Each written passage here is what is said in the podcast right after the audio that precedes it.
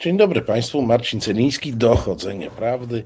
Nietypowo dzisiaj postaram się zastąpić e, Tomka Piątka, no, którego inne obowiązki wykluczyły z e, dnia dzisiejszego e, w resecie obywatelskim.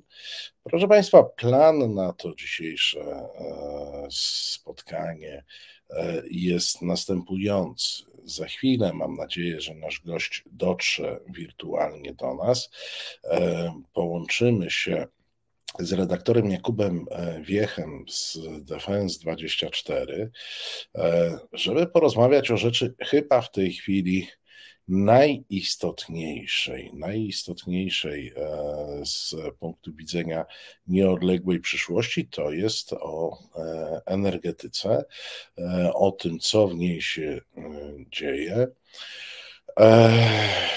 No, na pewno, na pewno porozmawiamy o obwieszczonej dzisiaj jako dokonana fuzji Orlenu i Lotosu.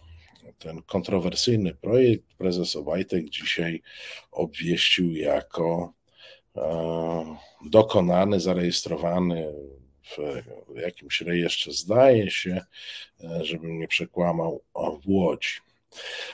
Potem, po rozmowie z Jakubem Wiechem, porozmawiamy o, no właśnie, o tym, jak bardzo kiedy wejdziemy w e, jakiekolwiek dziwne powiązania polityków PiS, e, jak wejdziemy w jakieś e, ich relacje ze strukturami przestępczymi, to bardzo szybko okazuje się, że krąg ich znajomości, e, krąg, e, grono ludzi, z którym się kontaktują, to są sami starzy znajomi. I tak jest e, z kontaktami marszałka Karczeskiego z Adamem H. Cecha konkretnie, który opisał dzisiaj w Radio Z Radosław e, Gruca, a tam okazuje się, proszę Państwa, że w towarzystwie trafiamy na e, kolejnych e, starych znajomych. Porozmawiamy także o słynnym handlarzu bronią, panu Izdebskim, i tu znowu nie wiem, czy jakoś to łączyć, że ten, ta fuzja Orlenu z Lotosem dokaza, dokonała się w Łodzi podobnie jak e, kremacja, dobra, to może za daleko posunięta koincydencja, e, jak kremacja domniemana, kremacja domniemanie nieżyjącego pana Izdebskiego, słynnego handlarza bronią, zaopatrującego polski rząd w bezużyteczne akcesoria do walki e, z COVID-em. Ale to w dalszej części programu. Zaczynamy od e, energetyki. Jest już z nami redaktor Jakub e, Wiech. Dobry wieczór. Dobry wieczór. Słyszymy się? Tak jest, słyszymy się. No dobrze, a świętujemy? Eee, zależy, co świętujemy. Jeżeli już to obchodzimy rocznicę oczywiście wybuchu Powstania Warszawskiego, ale eee. innych chyba powodów do, do, do jakichś e, obchodów nie widzę. E, no, myślę, że powinniśmy, przynajmniej wedle słów e, prezesa Obajtka, świętować powstanie wielkiego narodowego koncernu, który właśnie dzisiaj objawił się w rejestrze e, łódzkim, czyli e, sfuzjowanego, użyję takiego e, przymiotnika Orlenu i Lotosu. Zresztą pan prezes Obajtek mówi, że tuż, tuż, tuż jeszcze PGNiG dołączy i wtedy już to będzie taka firma, z której w Europie i na świecie nikt nie podskoczy.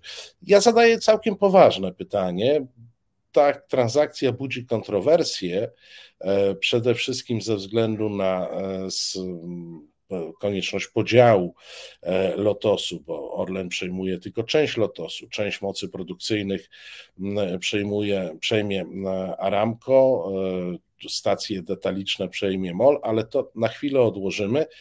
Czy to faktycznie z tego połączenia powstaje coś, co poprawia mm, e, nasze bezpieczeństwo, coś, co e, poprawia mm, i status e, firmy, i jest zgodne z naszym jakimś obywatelskim, polskim interesem.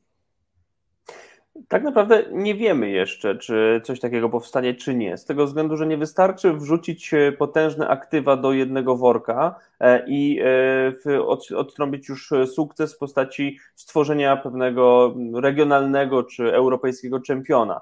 Na to jest jeszcze za wcześnie, żeby to wszystko zagrało, żeby ten potencjał, który faktycznie drzemie w połączeniu Orlenu i Lotosu wyzwolić, potrzeba konsekwentnie realizowanej strategii, potrzeba wyznaczenia celów na, na lata, potrzeba budowy e, pewnej wizji marketingowej i wyjścia na te rynki, skąd e, no, ten połączony koncern multienergetyczny, który ma na swoim koncie już wchłonięcie energii, ruchu, e, niedługo też ma połknąć PGNiG, no, gdzie ma kierować swoje, swoje wpływy, swoją, swoją działalność, bo Orlen już teraz chwali się, że połowa przychodów E, które, które zbiera, to, jest, e, to są e, przychody z rynków inne niż polski, więc widać ten wektor ekspansji, który, który płocka spółka sobie rysuje, ale no, biorąc pod uwagę koszty tego połączenia z Lotosem, no to jeszcze nie możemy odpowiedzieć na pytanie, czy one zostały zrównoważone przez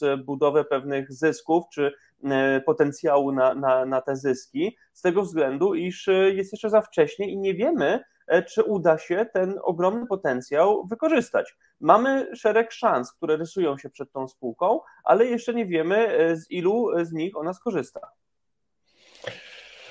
No jasne, czyli z jednej strony mamy pewien potencjał i szanse wynikający no nie wiem, z tej prostej zasady, że duży być może, może więcej, no ale z drugiej strony proszę mnie sprostować, jeśli ja się mylę, e, bo wydaje mi się, że ta sieć detaliczna, która idzie w obce ręce, to jest tak naprawdę mniejszy problem niż konieczność podziału mocy produkcyjnych, e, przetwarzania i przekazania w ręce e, Aramco które, no oczywiście nie znamy szczegółów, ale trudno sobie wyobrazić, żeby Aramco na przykład przejęło je w sposób e, gwarantujący podporządkowanie się naszym doraźnym e, interesom i może tam na przykład przetwarzać produkty, które wcale do Polski nie trafią, tylko będą trafiać na zupełnie e, inne rynki.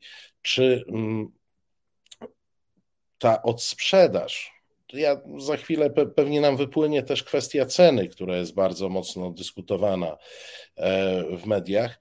Czy ta odsprzedaż to nie jest przypadkiem e, no, takie uszczuplenie naszych możliwości, e, możliwości wpływu rządu polskiego na, na ten sektor? No, mówmy się, w momencie dosyć trudnym, związanym z tym, że powinniśmy ostatecznie rezygnować z ropy Ural, e, przerzucić się na ropy e, arabskie, a to właśnie Lotos i e, jego rafineria są wyspecjalizowane w przetwarzaniu ropy Brent.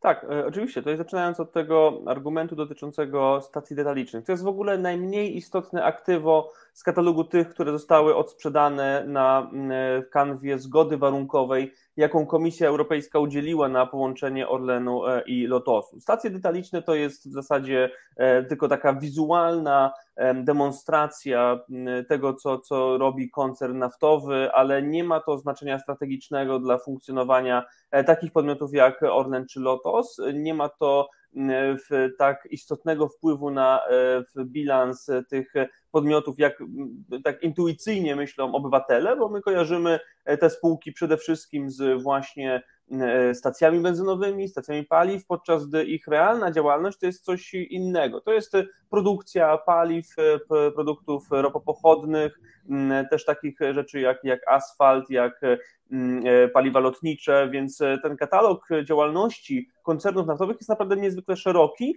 i sprzedaż detaliczna to jest tylko pewien niewielki wycinek, również niewielki, jeżeli chodzi o, o dochody, o, o portfel, portfel dochodów. To, że one wędrują w ręce węgierskiego mola, w, no, należy rozpatrywać raczej jako taka, taka poboczność tej całej fuzji. Orlen dzięki temu zyskuje nowe stacje na Węgrzech, na Słowacji, więc to też jest zbilansowane, może nie do końca liczebnościowo, ale jako takie postawienie chorągiewki na nowym rynku węgierskim. Natomiast to właśnie rafineria Lotosu w w Gdańsku jest tą perłą w koronie, którą należy traktować jako dobro szczególnie chronione, zwłaszcza w tym obecnym okresie. I odstąpienie udziałów w rafineryjnych w tej jednostce, no to jest największa, największy koszt, jeżeli chodzi o to o to, co, co widzimy teraz po, po tym rachunku fuzji Lotosu i e, Orlenu, bowiem e, to jest jedna z najnowocześniejszych, jeżeli nie najnowocześniejsza jednostka tego typu w Europie. E, to jest kura znosząca złote jajka. I Owszem, trzeba tutaj też patrzeć z punktu widzenia pewnego geopolitycznego zakorzenienia partnera saudyjskiego w Polsce, bo z tą transakcją ma być związana inwestycja Saudi Aramco w e, w petrochemię w, w, Gdańsku, natomiast e, to jest jednak cały czas e, niezbilansowane. Dopóki nie poznamy szczegółów tej saudyjskiej inwestycji, no to tak długo będziemy raczej koncentrować się na tym, co Orlen musiał odstąpić. Odstąpił bardzo dużo, bo jednak 30% uprawnień rafineryjnych do, do gdańskiej rafinerii, no to jest wizualne, takie, znaczy to jest takie widoczne uszczuplenie i zarówno kontroli Skarbu Państwa nad tą jednostką i też pewnej no, gospodarczej funkcji, jaką pełni tenże, tenże obiekt. Natomiast jeżeli chodzi już o strategię Orlenu, to zakorzenienie Saudyjczyków, czy, czy próba wejścia w pewien strategiczny sojusz z Saudyjczykami jest moim zdaniem dosyć dobrym kierunkiem, bo oni są traktowani jako nasze wyjście na świat ropy nierosyjskiej. Aramco jest uważany za koncern, który z jednej strony nie musi konkurować z Orlenem, więc nie jest tutaj bezpośrednio e, konkurentem na, e, w polskim czy na e, środkowoeuropejskim rynku, a z drugiej strony oferuje pewne walory, takie jak właśnie jak dostawy ropy naftowej, które zostały zresztą zakontraktowane przy okazji tychże tychże e, umów, e, jeżeli chodzi o, o, przejęcie rafinerii. E, natomiast znowu tutaj powracamy do tego pierwotnego, takiej, tego, tej pierwotnej konstatacji, że nie wiemy jeszcze, jak ocenić do końca fuzję Lotosu i Orlenu i budowę multienergetycznego koncernu przez polską, polską spółkę, z tego względu, iż nie znamy wyniku tego równania, bo na razie mamy tylko jego część. Na razie mamy koszty, które trzeba było ponieść, żeby te spółki się pod, e, połączyły. E, nie wiemy jednak, co z tym zrobi Orlen. Nie wiemy, e, czy uda się wykorzystać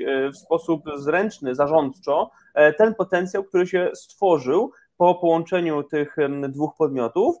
Potencjał jest ogromny, ale nie wiadomo, czy zostanie wykorzystany. To jest na razie narzędzie, które zostało wręczone do ręki zarządu Orlenu Pytanie, co dalej zrobią z tym podwładni pana prezesa Daniela Obajtka i sam prezes Obajtek, który bardzo upierał się mocno przy tym, żeby tej fuzję, tę fuzję poprowadzić i żeby ona przebiegła w takim właśnie kierunku, jaki teraz jest prowadzony. Natomiast to pokażą, pokażą następne lata, jeżeli chodzi o, o rozwój tego gigantycznego podmiotu, który wyrósł dzisiaj na polskim rynku.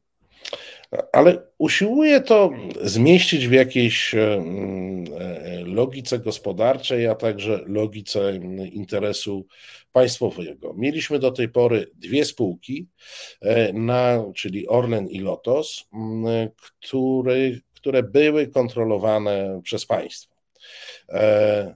Ich łączny potencjał był większy niż potencjał, jaki e, wynika z, e, z, z fuzji, e, ponieważ no, należało go uszczuplić ze względu na przepisy antymonopolowe, właśnie o te stacje MOLU, co do których zgadzamy się, że to jest najmniejszy problem, no ale także o udziały w mocach produkcyjnych rafinerii gdańskiej.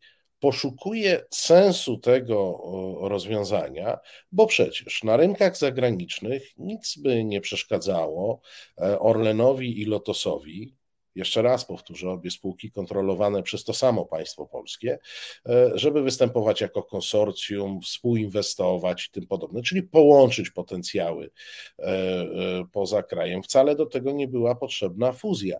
Fuzja no, z prostej jakiejś matematyki wynika, de facto zmniejszyła potencjał, jakim już mówię, nie spółka A czy spółka B, ale jakim państwo polskie dysponowało, kontrolując oba podmioty. Tak, w zasadzie tak. Z tego rachunku tak wynika. Natomiast e, jeżeli chodzi o e, logikę stojącą za tym połączeniem, ona była szczególnie widoczna na rynku polskim, gdzie e, konkurencja między Orlenem a Lotosem była fikcyjna, bo to były dwie mm, skontrolowane przez ten sam podmiot, czyli przez Skarb Państwa spółki, które w pewnym momencie no, doszły już do takich swoich brzegowych granic rozrostu, jeżeli chodzi o rynek wewnętrzny, E, i chciały dokonać ekspansji za granicę. W tym przodował przede wszystkim Orlen, który posiadał e, no, duże aktywa wytwórcze, na przykład w Czechach, na przykład e, na Litwie, więc ta spółka przodowała, jeżeli chodzi o rynki zagraniczne.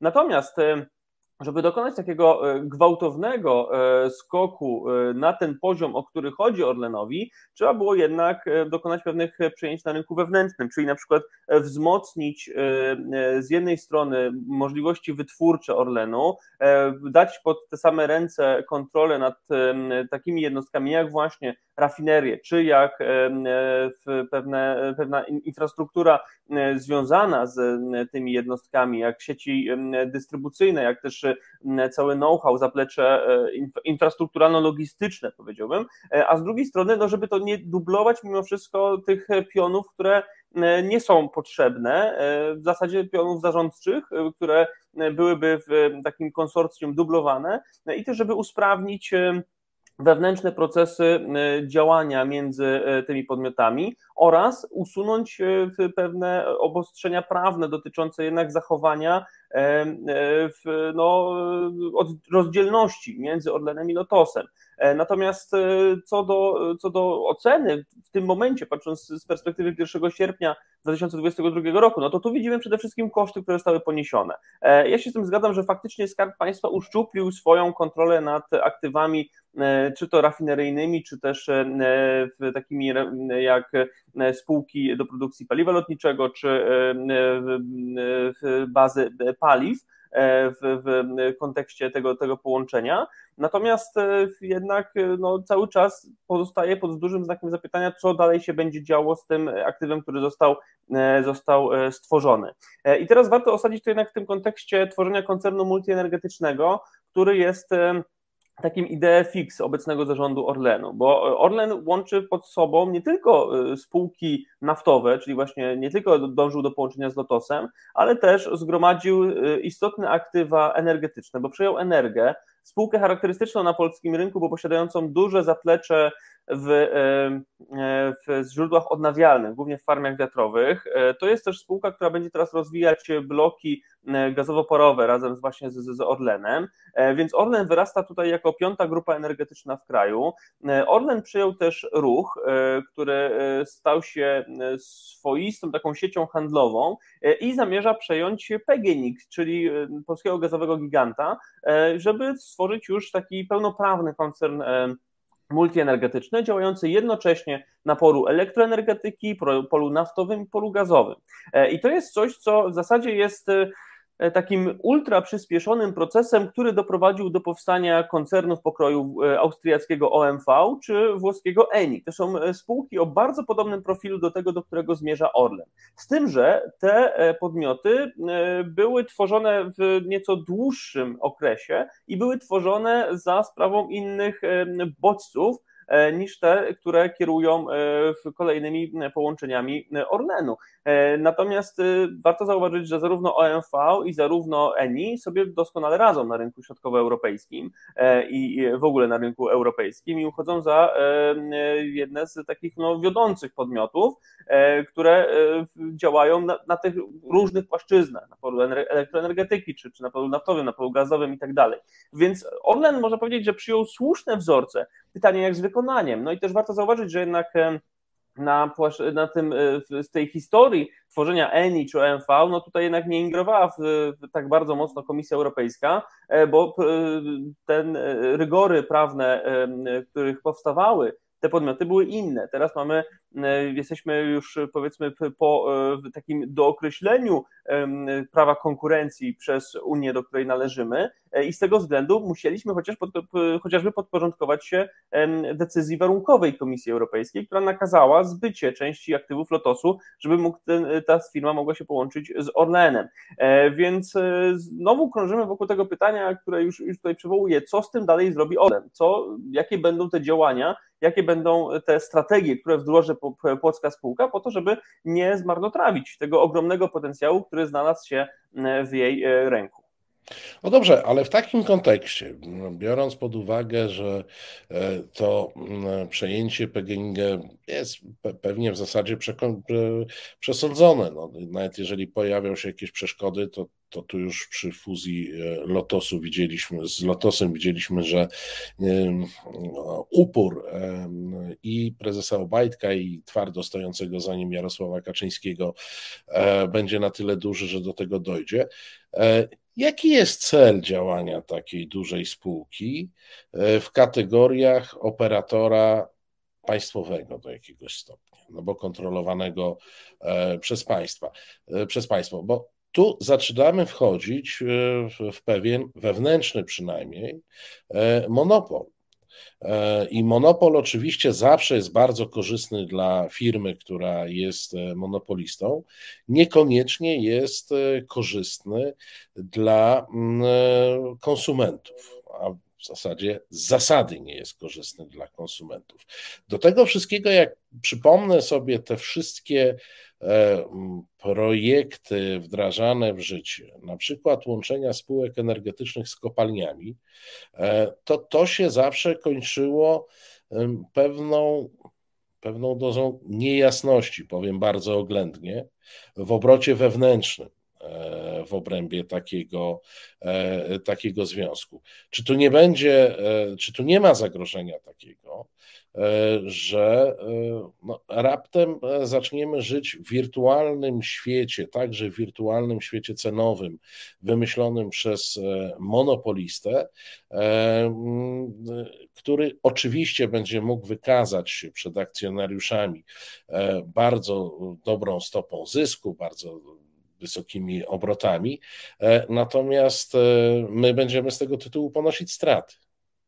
Cóż, tutaj jeżeli chodzi o perspektywę konsumencką, no to jednak cały czas pamiętajmy, że na straży tego, żeby nie powstał właśnie monopolista, stoi jednak Komisja Europejska, która e, czuwa nad przestrzeganiem e, prawa e, konkurencji wewnątrz e, Unii. No i te rygory, które postawiła Orlenowi przy połączeniu z Lotosem są jednym właśnie ze środków zaradczych, które mają chronić e, konsumenta polskiego e, przed stworzeniem podmiotu dominującego, który mógłby potencjalnie Panie redaktorze, te... ale rozmawiajmy poważnie. Mhm. Umiem sobie wyobrazić, że rząd mówi nie przyjmujemy pewnych rozstrzygnięć.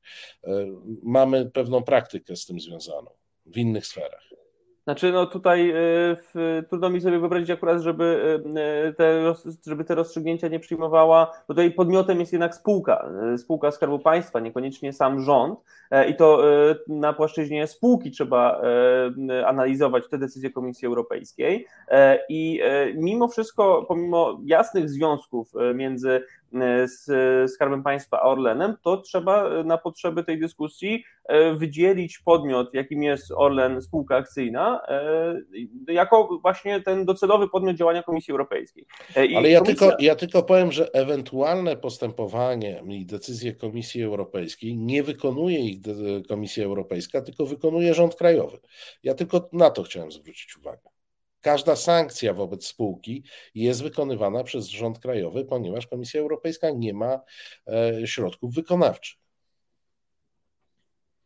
E, Komisja Europejska e, może się posiłkować pewnymi e, środkami wykonawczymi. Może tutaj widzieliśmy to przy, przy sporach, które były toczone w Unii Europejskiej, jeżeli chodzi o prawo konkurencji. Natomiast wchodząc już na, na płaszczyznę rozważań tego, co może się stać, jeżeli chodzi o, tutaj o, o konsumentów, warto pamiętać, że takie dobra jak paliwa, to są dobra o, e, w obrocie powiedzmy regionalnym, które e, są swoją drogą no, tak jakby przycementowane do e, poziomów cen czy do poziomów obrotu na rynku regionalnym. I to działa w dwie strony, zarówno jeżeli chodzi o pewne działania sztucznie zawyżające, jak i sztucznie obniżające ceny tych paliw. Widzieliśmy przed chwilą na Węgrzech, kiedy tam ustawowo mrożona cena benzyny, cena oleju napędowego sprawiła, że tych dóbr zaczęło brakować. Z tego względu, że e, stały się one e, istotnie e, tańsze niż paliwo po, w, w, krajach ościennych względem Węgier i też obywatele węgierscy widząc to zaczęli tankować znacznie więcej tych, e, tych nośników energii e, niż byłoby to w normalnej sytuacji rynkowej, więc tego dobra po prostu zaczęło brakować. I teraz węgierskie koncerny naftowe muszą wprowadzać ograniczenia poboru na stacjach z tego względu, że po prostu to paliwo zostało no, rozsprzedane na pniu.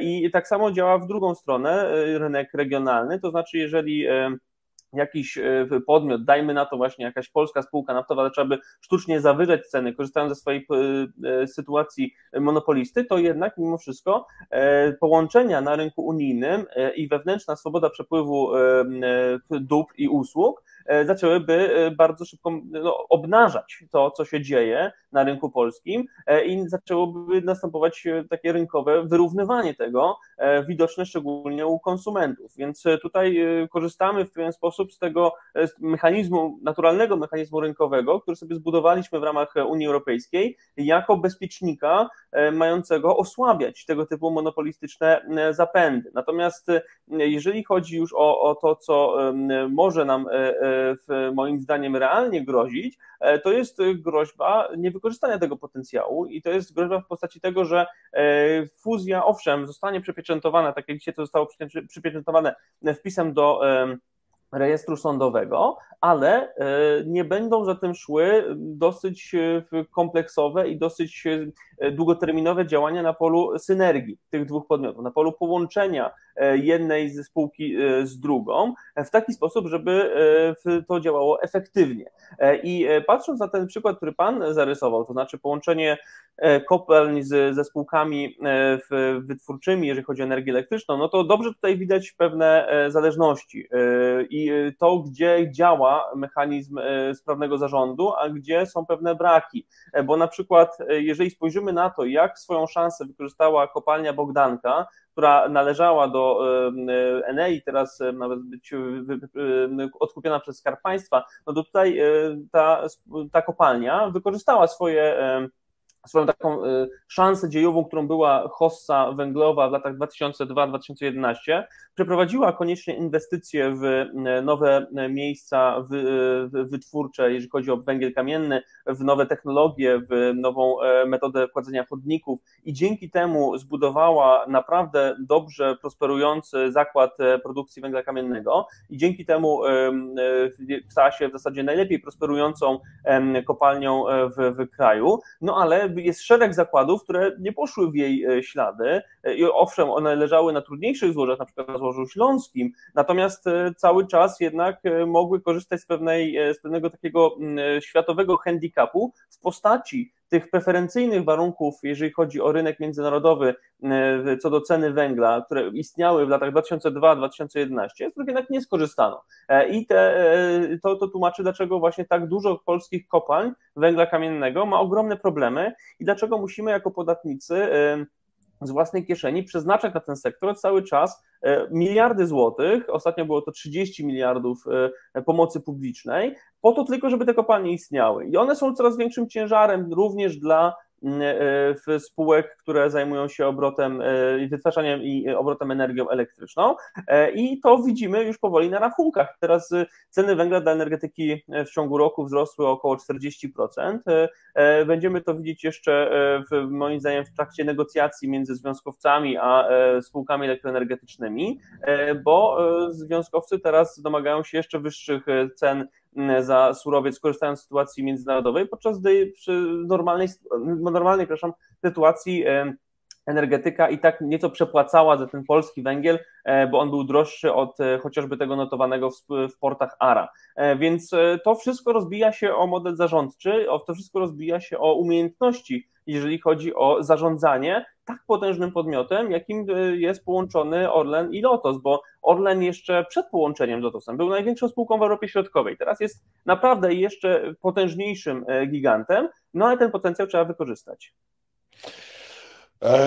Za chwilę przejdziemy to, trochę do węgla i do tej innej e, energetyki. Ja tylko po, podzielę się pewną wątpliwością. Jeśli chodzi o Bogdankę, to ona najlepiej się miała, kiedy udawało jej się być poza zjednoczeniami węglowymi i poza innymi strukturami wspólnymi, ale to się wiąże z tym, że to jest najnowocześniejsza e, kopalnia e, w Polsce i o pokładach węgla szerokości 2,5 czy 3 metry niespotykane E, w innych miejscach, więc to, tam, tam jest po prostu, oni mają warunki do tego, żeby się rozwijać bez względu na to, e, w, jaki, w jakiej strukturze, w jakiej strukturze będą, więc to trochę nieporównywalne do innych e, kopalni ze względu na warunki. Zagramy teraz coś energetycznego, a zaraz po krótkiej przerwie wracamy. Naszym gościem jest pan redaktor Jakub Wiech z portalu Defense24. Jaka jest Azja, każdy widzi. Ale czy na pewno? Blanka Dżugaj wraz z gośćmi bierze pod lupę bieżące wydarzenia z największego kontynentu świata. Nadaje im kontekst, analizuje i interpretuje. Czasem odczytuje przyszłość, ale nie z fusów, lecz z faktów. A wszystko po to, by Azja była dla widzów i widzek terra bardziej kognita. Każdy wtorek od 19. Dochodzenie Prawdy, e, Reset Obywatelski, Marcin Celiński. Jest z nami e, redaktor Jakub Wiech. Rozmawiamy o energetyce i teraz przejdziemy do tej energetyki, co do której, jak powiedział e, Edward Gierek, Polska węglem stoi. No i stoi. Jakby nie patrzył, stoi. E, pytanie od widza. Ja prawdę mówiąc nie znam odpowiedzi. E, mm, oceny węgla, odnośnie cen węgla do energetyki, bo związkowcy twierdzą, że elektrownie dostają tonę miału za 250 zł i ta cena od 5 lat się nie zmienia. Ja nie wiem, czy miał jest stosowany w energetyce. E, dzisiaj Agencja Rozwoju Przemysłu podała, że ceny węgla dla energetyki wzrosły w stosunku do roku ubiegłego o około 40%, więc e, bazując na tych danych można twierdzić, że to się zmienia. Co więcej, e, związkowcy z, ze spółek górniczych rozmawiają teraz w, z energetyką o tym, żeby indeksować ceny węgla do cen, które widnieje, znaczy mamy w, w, portach ARA, czyli w portach Amsterdam, Rotterdam, Rotterdam, Antwerpia, e, bo akurat e, są one wyższe niż te, które stosuje polska energetyka, kupując węgiel z polskich kopalń, to wyższe znacząco. To jest taka konsekwencja oczywiście tego potężnego kryzysu energetycznego, który widzimy w ogóle na rynku światowym, wynikającego z przede wszystkim wojny rozpętanej przez Rosję w Ukrainie, ale także E, z racji jeszcze cały czas istniejących wpływów pandemii koronawirusa. E, więc e, teraz już widzimy, że no górnikom, górniczym związkowcom udało się ugrać trochę dodatkowych pieniędzy na jednorazowe dodatki i na pewną waloryzację płac. Natomiast pytanie o cenę węgla dla energetyki pozostaje otwarte, gdyż już wiem o tym, iż w kilku przypadkach miała miejsce aneksacja E, kontraktów, e, zostały podwyższone te kontrakty, więc ceny węgla dla energetyki rosną. I my ten wzrost zobaczymy, zobaczymy to w przyszłym roku, w, na naszych rachunkach. Myślę, że najdobitniej zobaczymy to w przyszłym roku, aczkolwiek pewnych podwyżek cen energii elektrycznej można się spodziewać już w roku bieżącym, z tego względu, że kilka tygodni temu do Urzędu Regulacji Energetyki wpłynęły wnioski e, trzech e, grup energetycznych e, o podwyższenie taryf na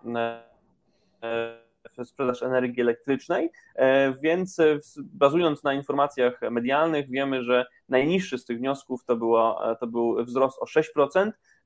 Myślę, że można to tak mniej więcej szacować, jeżeli chodzi o spodziewany wzrost w tym roku, e, więc w tym roku cena energii elektrycznej może wzrosnąć o kilka procent, niech będzie, że to 5 będzie procent e, dla gospodarstw domowych, natomiast w przyszłym roku według e, wstępnych szacunków może nas czekać wzrost nawet o 50%. To oczywiście wynika nie tylko z tego, co widzimy, jeżeli chodzi o cenę węgla, e, a e, jeżeli chodzi o też cenę uprawnień do emisji, która jest bardzo wysoka, utrzymuje się na wysokim poziomie w zasadzie od już e, prawie półtora roku, gdyż sięga około 80 euro za tonę. Miała momenty, że jeszcze odbiła się po tym spadku po rozpoczęciu, po rozpoczęciu agresji rosyjskiej na Ukrainę no, do, do poziomu 90, potem spada na około 80 euro za tonę, więc to są czynniki, które zobaczymy e, na naszych rachunkach. Do tego trzeba jeszcze liczyć taką generalną drożyznę e, w postaci e, w postaci w no, wzrostu kosztów na przykład transportu, energii, w ogóle wszystkich produktów, e, co również przekłada się na e, pytanie e, na, na, na to, jak funkcjonują przedsiębiorstwa również energetyczne, więc będziemy, możemy spodziewać się bardzo wysokich podwyżek w, w przyszłym roku, jeżeli chodzi o energię elektryczną, chyba że zostaną tutaj zastosowane jakieś nadzwyczajne metody w, w postaci czy to mrożenia cen, czy dopłat indywidualnych, E, o tym wiemy, że no, z racji tego, iż za rok jest rok wyborczy, to można się takich e, kroków spodziewać, aczkolwiek oczywiście e, no, to znaczy, że te koszty zostaną po prostu znacjonalizowane, że poniesie je może nie wprost obywatel, ale państwo jako, jako instytucja. No dobrze, cena to, to jedno i ceny wszystkich nośników e, energetycznych będą rosły. E, jak na razie rząd zareagował propozycją dopłat dla tych, którzy indywidualnie ogrzewają się węglem, natomiast e, tak naprawdę chyba największa grupa to są ci, którzy są ogrzewani węglem w sposób zbiorowy, czyli za pośrednictwem elektrociepłowni e, węglowych, które zasilają nasze miasta i my patrzymy na kaloryfer, a tam tak naprawdę jest węgiel i ta cena się przełoży. Natomiast odrębnym pytaniem obok ceny e, jest to, czy tego węgla wystarczy. Czy my nie wrócimy pamięcią do dziesiątego stopnia zasilania, e, legendarnego już, ale zdaje się, że w tej chwili bardzo, bardzo realnego, i czy nie będzie tak, że określone grupy odbiorców będą czasowo wyłączone z obiegu? Czy ciepła, czy energii elektrycznej? Nie można tego wykluczyć. E, wiemy, że jeżeli chodzi o energetykę, to energetyka jest w miarę w dobrej sytuacji, ta energetyka zawodowa, bo te kopalnie korzystają, z, e, przepraszam, elektrownie w Polsce korzystają głównie z węgla wydobywanego przez polskie kopalnie. Udział surowca importowanego jest względnie nieduży, e, to jest około 15% w skali całego, całego zapotrzebowania na, na, na ten surowiec. E, znacznie gorzej jest, jeżeli chodzi o segment ciepłownictwa i jeżeli chodzi o segment indywidualny, jeżeli chodzi o e, gospodarstwa domowe. To są te grupy odbiorców, które używały węgla importowanego, czyli przede wszystkim węgla E, rosyjskiego, bo Rosja odpowiadała za 70% importu e, węgla do Polski. No i e, przestawienie tego wektoru, który, który dotychczas był wektorem wschodnim, jeżeli chodzi o dostawy tego surowca spoza granic naszego kraju, na wektor północny, czyli na morze, bo teraz odbieramy węgiel drogą morską, wywołało pewne komplikacje. Znaczy za decyzją słuszną, dodajmy, o nałożeniu embarga na węgiel rosyjski, nie szedł jednoznaczny i konsekwentny w swoim przekazie, takie, takie działanie rządu, które z jednej strony polegałoby na zamówieniu dodatkowych e, dostaw e, surowca, a z drugiej strony na komunikowaniu do społeczeństwa, że ten węgiel będzie, żeby po prostu nie wywołać zbędnej paniki i żeby ludzie nie szturmowali składów i nie otwierali drzwi na oścież e, dla rozmaitej maści spekulantów, którzy wykorzystując e, takie emocje byli w stanie sprzedawać węgiel po znacznie wyższej cenie niż e, była cena rynkowa. Natomiast teraz wiemy, że węgla zostało zakontraktowane już dosyć sporo, bo z tego co mówi Ministerstwo Klimatu i z tego co mówi rząd, to łącznie będzie pula około 12 milionów ton, więc więcej niż zużyliśmy w zeszłym roku, jeżeli chodzi o ten węgiel importowany. Natomiast wąskim jest logistyka. Logistyka, która e, no, ma takie dwa podstawowe etapy, czyli etap rozładowania w porcie i wiemy, że porty są przytkane, bo Ministerstwo Infrastruktury już teraz e, sygnalizuje, iż e, będzie używać do przewozu tego węgla do Polski portów na przykład bałtyckich czy niemieckich, a z drugiej strony Mamy też we, ten problem z logistyką już w interiorze, czyli z e, dostawą węgla od portu do już konkretnego składu e, w, w Polsce. I jeżeli tutaj nie zostaną przedsięwzięte jakieś nadzwyczajne kroki e, celem rozwiązania tego problemu, to obawiam się, że w niektórych miejscach w Polsce mogą być deficyty węgla. Z tego względu, iż no, w, na razie mamy problem już z samymi portami, a tymczasem dostawy E, ich koszt e, też e, jest coraz bardziej, coraz większym obciążeniem dla niektórych punktów, jeżeli chodzi o handel detaliczny, więc liczę, że, że tutaj jednak zostaną uruchomione pewne kroki, na przykład, no już też idąc dosyć szeroko, dostawy realizowane przez wojsko, po to, żeby od odciążyć e, tę cywilną gałąź e, e, transportu, tak żeby jak naj, najbardziej zmaksymalizować prawdopodobieństwo, że, że będzie, będzie ten węgiel dostępny.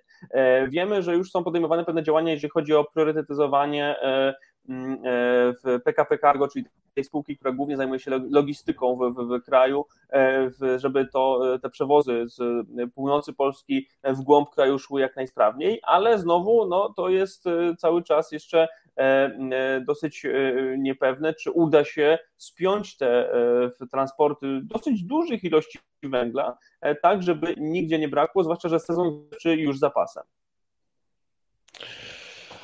A czy no bo mieliśmy taką dyskusję przez ostatnie 2-3 tygodnie.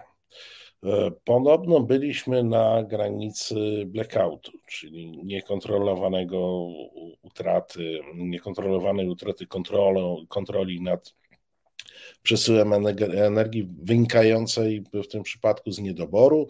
E, podobno na szybko za, zaimportowaliśmy ten prąd, ale mieliśmy wyraźne dementi ze strony rządowej, że w ogóle nie ma takiego zagrożenia. W Polsce nie ma zagrożenia blackoutu. Przy tych informacjach, które otrzymujemy, że niektóre bloki są wyłączane ze względu na brak węgla. E, jeżeli chodzi o zagrożenie blackoutem, ono jest wpisane w istnienie systemu elektroenergetycznego, bo system elektroenergetyczny to jest urządzenie jak każde inne i ma swoją awaryjność, a ta awaryjność oznacza właśnie prawdopodobieństwo wystąpienia e, czegoś takiego jak blackout. E, I e, to prawdopodobieństwo w Polsce jest wyższe niż e, średnia unijna, z tego względu, że po pierwsze mamy stare elektrownie. Średnia wieku polskich bloków generacyjnych to jest około 47 lat. Mamy scentralizowaną energetykę, która łatwo może pozbawić się mocy I to widzieliśmy na przykładzie elektrowni Bełchatów, która potrafiła wypaść z systemu ze względu na awarię stacji rozdzielczej albo ze względu na zalanie jej przez intensywnie padający deszcz. E, I mamy też jeszcze taką kwestię jak deficyt mocy zainstalowanych w systemie. No tutaj się kłania brak transformacji energetycznej, brak budowy nowych, niskoemisyjnych przede wszystkim mocy, które byłyby w stanie tak nasycić nasz system elektroenergetyczny e, e, jednostkami wytwórczymi. To widać zwłaszcza na e, północnym wschodzie naszego kraju. Natomiast jeżeli chodzi o te przypadki w ciągu ostatnich tygodni, no tutaj trzeba wziąć to przez pryzmat tego okresu letniego, który jest takim tradycyjnym okresem remontu w energetyce, ale mieliśmy pewne niepokojące sygnały, jak na przykład sytuacja z Jaworzna, gdzie jeden z bloków został odłączony na około 20 godzin z przyczyn, które zostały określone w komunikacie dotyczącym tego wyłączenia jako brak paliwa. Potem spółka będąca operatorem tego bloku odcięła się od tego komunikatu, twierdząc, że Własnego przyczyna komunikatu. została E, tak, twierdząc, że przyczyna została wskazana omyłkowa, omyłkowo, że to był błąd w, po prostu w oznaczeniu tego, dlaczego ten blok stanął. E, no i że to nie jest prawda, iż faktycznie tam brakło, brakło e, paliwa. Natomiast no, było to dosyć niepokojące i trzeba zauważyć jednak, że takie problemy z racji tego, że jednak energetyka używa pewnej części E, węgla importowanego, no nie muszą być wcale odległe, odległe. Chociaż oczywiście elektrownie mają ustawowe e, obowiązki dotyczące utrzymywania zapasów paliw, tak żeby nie wyczerpać się, jeżeli chodzi o e, o to, co, co, co mogą przepalić w ciągu danego okresu. Natomiast na taką, tak, jeżeli chodzi o takie ostudzenie emocji, to mogę powiedzieć, że w obecnych tygodniach, w ostatnich tygodniach ratuje nas fotowoltaika przede wszystkim. To są moce, które teraz działają z pełną parą, to jest taki, e, można powiedzieć, że najlepszy okres dla funkcjonowania elektrowni słonecznych i one wspierają nasz system elektroenergetyczny. Okazuje się, że źródła odnawialne, które przez wielu są, no, nazwijmy to wprost, wyśmiewane jako jakiś kwiatek do energetycznego kożucha, są mocami, które potrafią odciążyć system węglowy i nasycić go dodatkowymi mocami. W e, ciągu dnia, e, tak w szczycie e, produkcji ze źródeł odnawialnych w naszym systemie pracuje ponad 6 gigawatów mocy w energetyce słonecznej, co jest y, równoważnikiem mniej więcej jednej piątej tego, co mamy w ogóle w węglu, e, ale to oczywiście, no to, to ile część z tego, z tego pracuje, to jest inna sprawa, jeżeli chodzi o elektrownie węglowe. Natomiast fotowoltaika pomaga nam utrzymać się, jeżeli chodzi o nasycenie mocą, na względnie przyzwoitym poziomie, e, więc y, to nas z jednej strony, to nam pozwala obniżyć ceny energii, bo są to źródła nieobarczone koniecznością wykupu uprawnień do emisji, a z drugiej strony też oddalić prawdopodobieństwo blackout. Prawdopodobieństwo, które nie jest e, wcale aż tak wysokie, jak e, niektórzy twierdzą, e, z tego względu, że no, zanim nastąpiłby blackout, to jeszcze mamy po drodze możliwość ratowania się importem mocy z systemów ościennych, a po drugie jeszcze mamy coś takiego jak brownout, czyli kontrolowane odcinanie przez operatora e, niektórych grup odbiorców po to, żeby utrzymać kontrolę nad systemem. To jest taka procedura, która no, no, można nazwać takim awaryjnym zapobieganiem blackoutowi, z tego względu, iż e, to pozwala uniknąć poważnych uszkodzeń, które miałyby miejsce, e, jeżeli chodzi o e, właśnie awarię, czyli o taki blackout, który miałby nastąpić, bo to jest nie tylko zanik e, dostaw energii do niektórych odbiorców, czy to regionalnych, czy w ogóle ogólnokrajowy, ale to jest też najprawdopodobniej szereg uszkodzeń infrastruktury, stacji rozdzielczych, transformatorów i tak dalej. Więc trzeba byłoby jednak działać maksymalnie szeroko po to, żeby uniknąć takiego stanu rzeczy i po to jest właśnie tak zwany brand brownout. No to ja w tej chwili dopytam, bo ja jestem e, stałym e, czytelnikiem e, prasy prorządowej i generalnie śledzę media prorządowe i tam przebija teza, którą można by było, ona różnymi słowy jest wypowiadana, ale można by ją streścić tak. Jakie to szczęście, że myśmy się nie wpakowali w te odnawialne e, źródła energii, jakie to szczęście, że nie wpakowaliśmy się w fotowoltaikę e, czy wiatraki, bo jesteśmy na węglu i dzięki temu przeżyjemy tę wojnę. Ja powiem uczciwie, ja tego przekazu nie rozumiem, bo wydaje mi się, że każda megawattogodzina z wiatraka czy fotowoltaiki oznacza, że nie trzeba jej wyprodukować e, z węgla, ale może pan jest mi w stanie wyjaśnić, na czym polega ta narracja rządowa, że e, te czyste źródła energii by nam po prostu przeszkadzały w tej chwili. Znaczy, no, też tego nie do końca rozumiem, bo jeszcze gdybyśmy mieli dostatecznie dużo węgla wydobywanego własnym, e, własnym sumptem, e, tak żeby nie musieć go importować, no to jeszcze okej, okay. to rozumiem, że to jest podbudowane tą e, świadomością pewnej suwerenności w zakresie podaży paliwa, ale tak nie jest, bo my importujemy węgle, węgiel i jesteśmy e, w coraz bardziej A, ale zaraz, to ja spytam, to wiatraki są w jakiś sposób niesuwerenne? No przecież za wiatr, wiatr nie no, importuje. No wiatraki są, są przewidywalne, ale niekontrolowalne i to chodzi o, właśnie o możliwości budowy tych mocy, które wchodzą do systemu wtedy, kiedy wiatraki nie działają, a to, że nie, nie działają, no to źródła odnawialne, e, te klasyczne, jako, oznaczone jako fotowoltaika i e, źródła wiatrowe, no mają jednak pewne e, okresy, gdzie, gdzie nie pracują i to się to uwidacznia w ich e, współczynniku wykorzystania mocy zainstalowanej, który dla fotowoltaiki w Polsce wynosi około 11%, a dla wiatraków na lądzie około 30 kilku procent. E, więc e, no, to jest jednak ten problem, którego na razie nie potrafimy rozwiązać technologicznie w przypadku źródeł odnawialnych, chociaż oczywiście patrząc tak, e, można powiedzieć już bardziej technicznie, no to faktycznie nie potrzebujemy dostaw żadnego paliwa do wiatraków czy, czy do paneli fotowoltaicznych, bo to paliwo jest zasadzone właśnie w naturze i w wietrze lub w słońcu. Natomiast jednak z perspektywy kontroli nad systemem i z perspektywy y, zapewnienia odpowiedniego e, poziomu podaży mocy, trzeba mieć e, pewne e, źródła, które wejdą ze wspomaganiem. E, wtedy, kiedy akurat generacja ze źródeł odnawialnych e, kuleje. Natomiast, e, tak jak Pan zauważył, każda megawattogodzina teraz jest na wagę złota i zwiększenie potencjału w źródłach odnawialnych to jest jedna z najlepszych dróg do tego, żeby się odcinać od zależności importowych w kwestii paliw kopalnych i też, żeby obniżać nasz naszą cenę energii, bo e, energia jest produktem jak każdy inny, jest towarem jak każdy inny. Jeżeli jest jej dużo, to jest ona tania. E, I myśmy powinni dążyć do tego, żeby mieć w Polsce względnie dużo energii, bo na razie mamy deficyt, jeżeli chodzi o moce wytwórcze e, i zwłaszcza jeżeli chodzi o te generujące tanią energię i musimy być importerem netto, tak byliśmy przez ostatnie, ostatnie lata importerem netto energii elektrycznej. Natomiast jeżeli chodzi o tutaj nasze możliwości, no to jednak one były blokowane e, z różnych e, tutaj działań, głównie prawnie i przez to na przykład mamy zupełnie nierozwiniętą od kilku lat sferę wiatraków na lądzie, które teraz może zaczną się rozwijać po poluzowaniu tak zwanej ustawy odległościowej, ale gdyby ta regulacja nie weszła w życie, to pewnie mielibyśmy dzisiaj o co najmniej 12 gigawatów mocy e, w wiatrakach, mamy około 7, więc jest to e, przestrzeń, która mogłaby pracować e, i mogłaby generować energię, której teraz bardzo potrzebujemy. No dobrze, na koniec zadam podchwytliwe pytanie. No bo jak e, wiadomo, takim elementem stabilizującym system energetyczny wcale nie muszą być elektrownie na węgiel kamienny czy węgiel e, brunatny, tak jak jest u nas, ale mogła być na przykład elektrownia i lub elektrownie e, atomowe. No to kiedy będziemy mieli elektrownię atomową?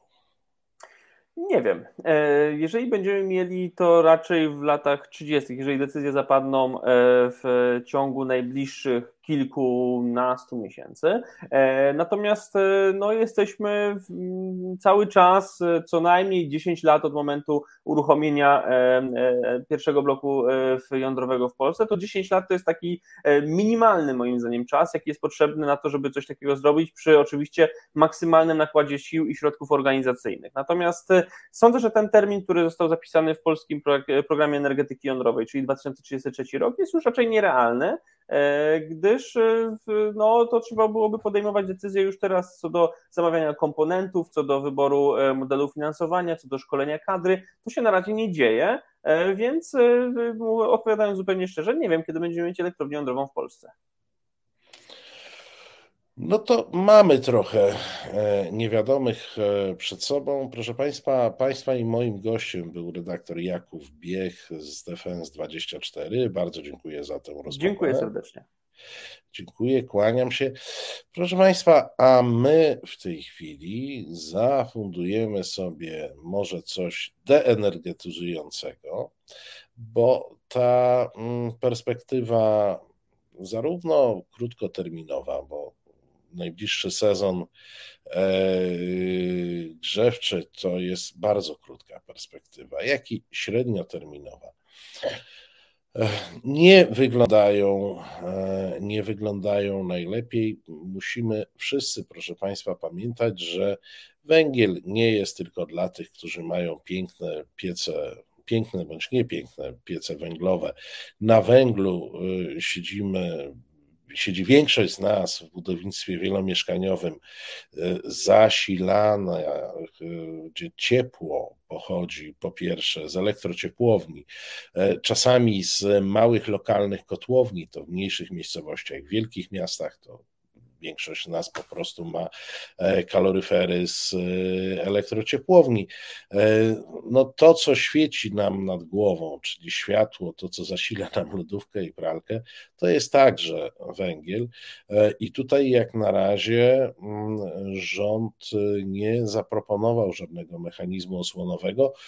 Tu są, proszę Państwa, dwa wątki na które chcę zwrócić uwagę. Jeden to jest ten wątek konsumencki. My po prostu będziemy e, szalenie biednieć, e, ponieważ e, koszty utrzymania, stałe koszty utrzymania naszych domów i wszystkiego, co, co nas otacza, będą rosły. Jak wiadomo, środki nam nie będą rosły, bo nikt z nas chyba nie ma zaprojektowanej tam jakiegoś 40% wzrostu pensji, a w niektórych miejscach o 40% wzrośnie koszt choćby e, e, ogrzewania. E, to jest jeden, a drugi aspekt to jest ten aspekt suwerennościowy, bo to już, proszę Państwa, oczywiście my w resecie obywatelskim i szerzej od lat mówimy o tym imporcie rosyjskim jako uzależniającym. I to jest bardzo zły, to jeszcze jest, bo on jeszcze trwa, ale to był bardzo zły import, e, bo import od państwa nieprzewidywalnego, które surowce energetyczne traktuje jako narzędzie wojny, jest zawsze niebezpieczny ale to też powiedzmy sobie szczerze, że uzależnienie się od dostaw z Kolumbii czy RPA także nie jest szczytem szczęścia, bo to jest nadal uzależnienie czegoś e, od e, pewnego surowca, bez którego obejść się e, nie możemy. Zatem tworzenie sytuacji, w której bylibyśmy niezależni od dostaw z zewnątrz, albo te dostawy z zewnątrz zaspokajałyby jakiś minimalny procent naszych potrzeb, bo resztę byśmy realizowali własnymi siłami, jest dla każdego kraju e, no to po prostu strasznie, e, strasznie ważne. No, to, to jest coś, co powinno być priorytetem e, w działaniu każdego rządu. Minimalizacja ryzyk braku dostaw, minimalizacja ryzyk wynikających z trudnej e, logistyki. E, no, moi drodzy, to co, o czym gość e, wspomniał. Nasze porty nie będą miały takiej przepustowości, pójdzie to przez porty bałtyckie, niemieckie, ale z tych portów trzeba to załadować i dowieść e, na miejsce, w którym ma być e, konsumpcja tego, tego surowca i ma być wytworzona dla nas energia, ciepło, cokolwiek. No, to są wszystko także zwiększone koszty, bo inny jest koszt e, logistyki, e, nie wiem, ze Śląska, nawet e, na Podlasie, a inny jednak jest koszt logistyki z Kolumbii na Podlasie. To, to wszyscy musimy, musimy sobie z tego E, e, zwracać. No, straszny ten komentarz, który tutaj Charlie e, rzuca, że, no ale to, to jest coś, o, o czym mówiłem w Bez Wyjścia. Czy, czytałem Państwu nawet fragmenty mm, w ostatni czwartek felietonu Jana Pietrzaka. No to jest po prostu ta, ta no nie chcę powiedzieć logika, to coś, no, ten, ten sposób E, myślenia. Gosza pyta, do tej pory chyba też węgiel przewożono. No, przewożono, proszę Państwa, ale przewożono go ze wschodu e, liniami kolejowymi, które, e, które są. Przewożono go także z, z portów, ale nie w takiej ilości i nie w takim czasie. O tym też chyba w którymś z programów żeśmy mówili, to są masy, to są gabaryty na wielką skalę. To jest konieczność wielkiej ilości wagonów węglarek i przede wszystkim miejsca na torach. Pamiętajcie Państwo o tym. E, problem z importem węgla, e, najmniejszy problem jest z zakupem, bo akurat węgiel jest takim towarem, który często jest gdzieś tam składowany na hałdach, e, leży sobie i faktycznie można mniej więcej jak w sklepie podejść i kupić sobie milion ton. No ale potem trzeba mieć na to statki węglowce. Jeśli myślicie, że problem e, z brakiem rosyjskiego węgla jest problemem tylko polskim, nie. Mnóstwo ludzi na świecie, mnóstwo krajów na świecie musi sobie zmienić e, dostawcę węgla. Mnóstwo miejsc na świecie e, musi znaleźć węgiel gdzie indziej. Więc oni wszyscy chcą czarterować te statki. Tych statków nie buduje się w tydzień, o tym wiecie. Jest to kwestia mocy przeładunkowych w portach. W porcie to nie funkcjonuje w ten ten sposób, że podpływa sobie statek na redę i kapitan przez radio mówi, to ja bym może coś rozładował. E, w dużych portach europejskich z wielomiesięcznym wyprzedzeniem, z wielomiesięcznym e, e, wyprzedzeniem zamawia się sloty rozładunkowe. Czyli pół roku wcześniej planuje się, że w jakiś wtorek od godziny 8 do godziny 18 to ja będę się e, rozładowywał e, ze swoim statkiem.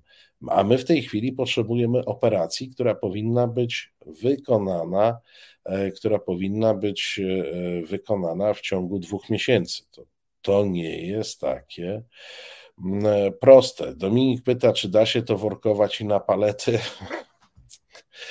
Pewnie wszystko się da. No, można zacumować gdzieś koło plaży w Łebie i można też szalupami przewozić ten węgiel e, na plażę i, i tam workować i e, na palety. No, no wszystko, wszystko można, ale to jest, proszę Państwa, e, bardzo duża operacja logistyczna, a do tego wszystkiego sami Państwo doskonale wiecie, E, jakich fachowców od logistyki e, w rządzie i okolicach e, mamy. Więc może być, może być trudno i jakkolwiek ja trzymam kciuki, bo to jest w naszym interesie, żeby ten cholerny węgiel w taki czy inny sposób dotarł do elektrowni i elektrociepłowni, bo od tego zależy nasza zima. Na pewno będzie drogo, ale to też, żeby, żeby było.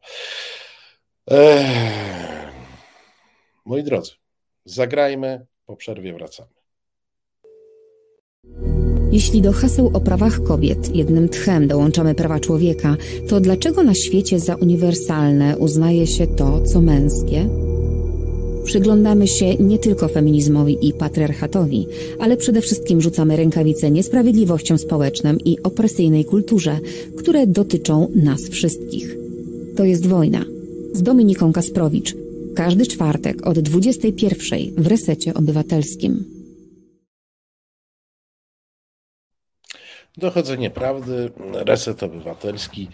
Marcin e, Celiński. Wracamy do programu. Zanim przejdę do kolejnego e, tematu, no to czytam Państwa, e, czytam Państwa mm, komentarze. Oczywiście, że kluczowym problemem dla energetyki, w tym dla rozwoju energetyki odnawialnej, jest możliwość magazynowania energii I to jakby sądząc po doświadczeniach państw zachodnich, problem ten może być rozwiązany przez decentralizację, przez stworzenie wielu małych magazynów, ale tutaj się pojawia coś, e, no, co jest efektem zaniedbań bardzo e, wielu rządów, już nawet nie powiemy, że tylko tego, a mianowicie nasza infrastruktura przesyłowa. Jak Państwo na pewno wiecie, bo od czasu do czasu e, takie informacje się przebijają, jest problem już z podłączaniem e, fotowoltaiki, ponieważ nasza infrastruktura nie bardzo może to unieść. E, mamy po prostu mocno scentralizowaną sieć przesyłową. Zdaje się, że nadal jest tak, że 25 czy 30% naszej energii idzie z jednego miejsca, e, czyli z Bełchatowa, i, i to jest główna linia przesyłowa, i tak mamy to zrobione musielibyśmy mieć linie przesyłowe mocno e, rozbudowane, infrastrukturę unowocześnioną w taki sposób, żeby ona mogła swobodnie e, na poziomie zarządzania odwracać kierunki dostarczania i, i do której można by było e, podjąć, podpiąć do niej e, na przykład 10 tysięcy małych magazynów e, energii. No bo jak wiemy, nie mamy, nie mamy w tej chwili technologicznie e, sposobu na to, że nie wiem, zbudować jeden centralny magazyn energii, choć pewnie rządzącym by się to spodobało.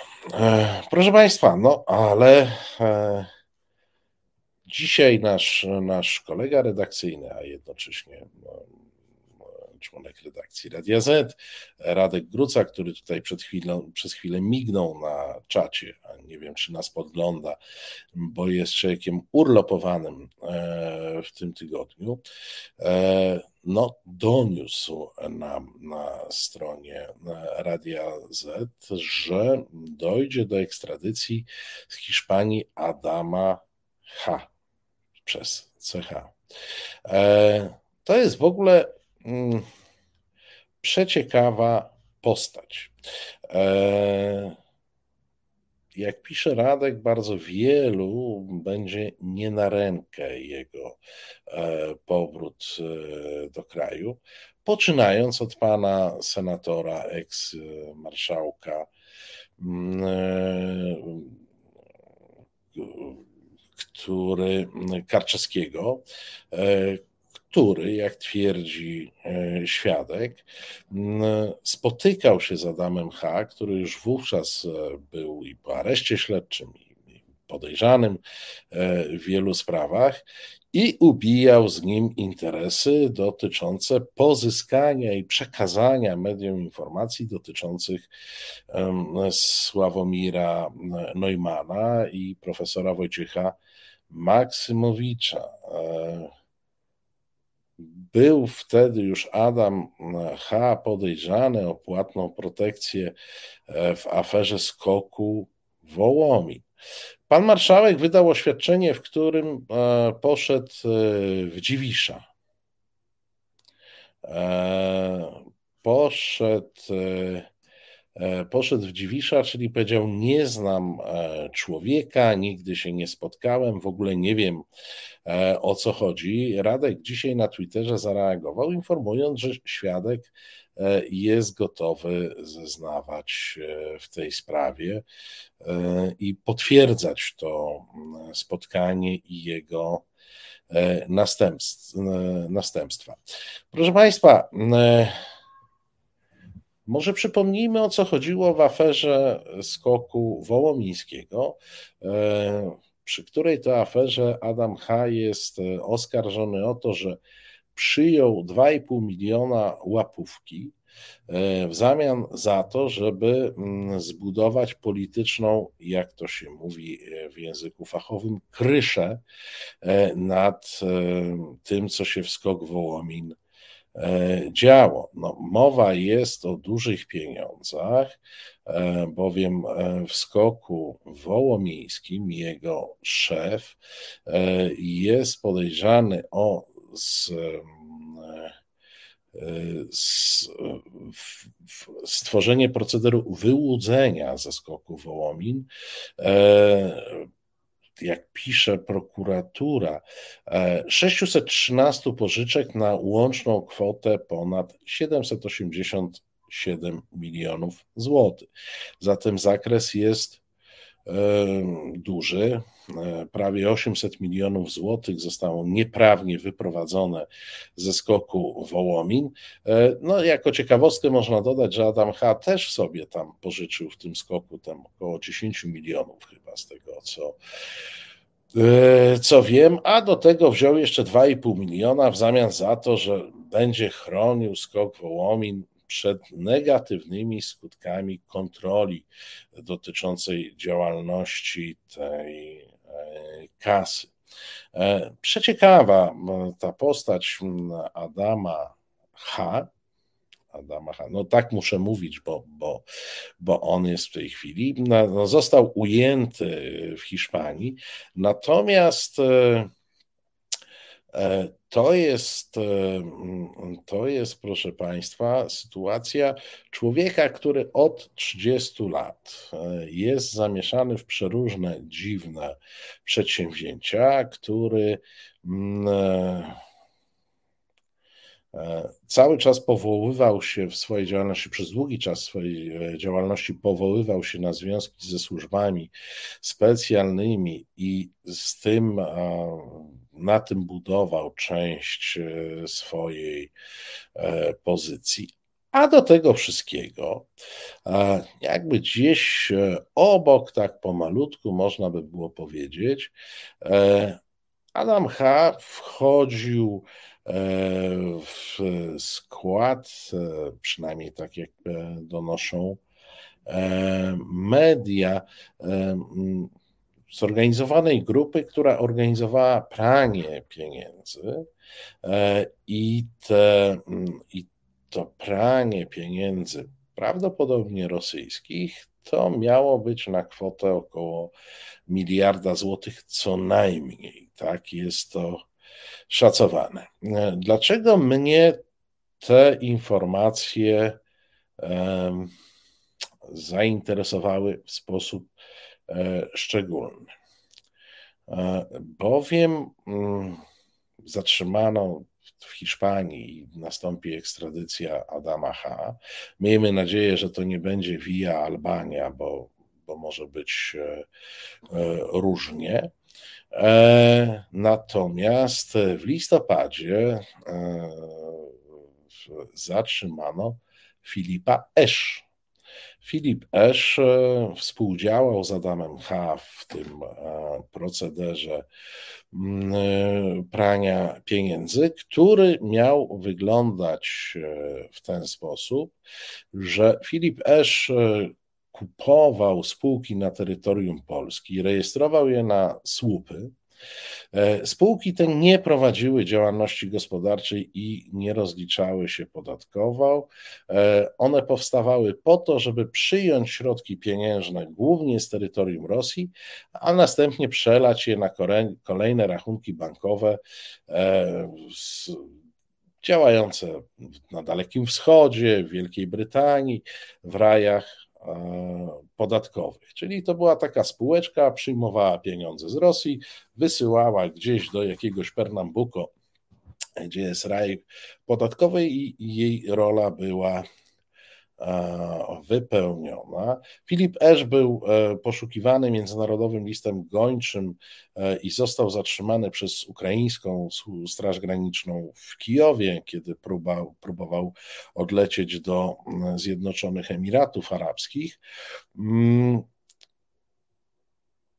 Ciekawy w ogóle proceder, bo nie wiem, czy Państwo wiecie, jak to, jak to jest jego taki e, cichy wspólnik, który gdzieś tam, bo początkowo te spółki były rejestrowane na ludzi pochodzenia rosyjskiego czy białoruskiego. Zresztą wspólnikiem Filipa Esz był e, obywatel Białorus, pochodzenia białoruskiego, Andrzej S., zatrzymany rok temu.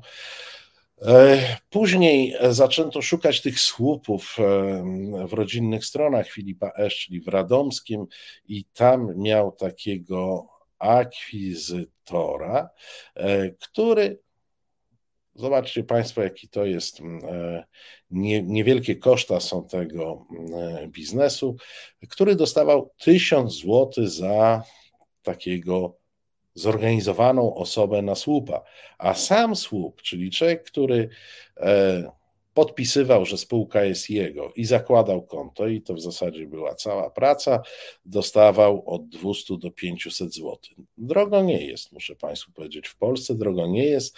Jeżeli oni e, miliard e, przetransferowali, przetransferowali w taki sposób, mm, to, to koszta były to koszta były niewielkie. Ale powiem Państwu, E, dążę do tego, dlaczego mnie e, ten e, przykład, ten, ten tekst i ten news Radka szczególnie zainteresował, bo Filipa S. mieliśmy okazję trochę poznać książce e, Tomka Piątka i mojej Duda i jego tajemnice pojawia się Filip S. Trafiliśmy w którymś momencie na jego mm, ślad. E, nie mieliśmy tak e, dogłębnych informacji jak te, które, które są znane teraz, bo jakiś czas upłynął. Ale Filip S. to był taki biznesmen, który mm, wedle źródeł e, z Rosji e, robił interesy powołując się na bliską znajomość z prezydentem Andrzejem e, Dudą. On występował tam na tym rynku rosyjskim i handlował, przerzucał metale szlachetne i pieniądze z Rosji na Zachód.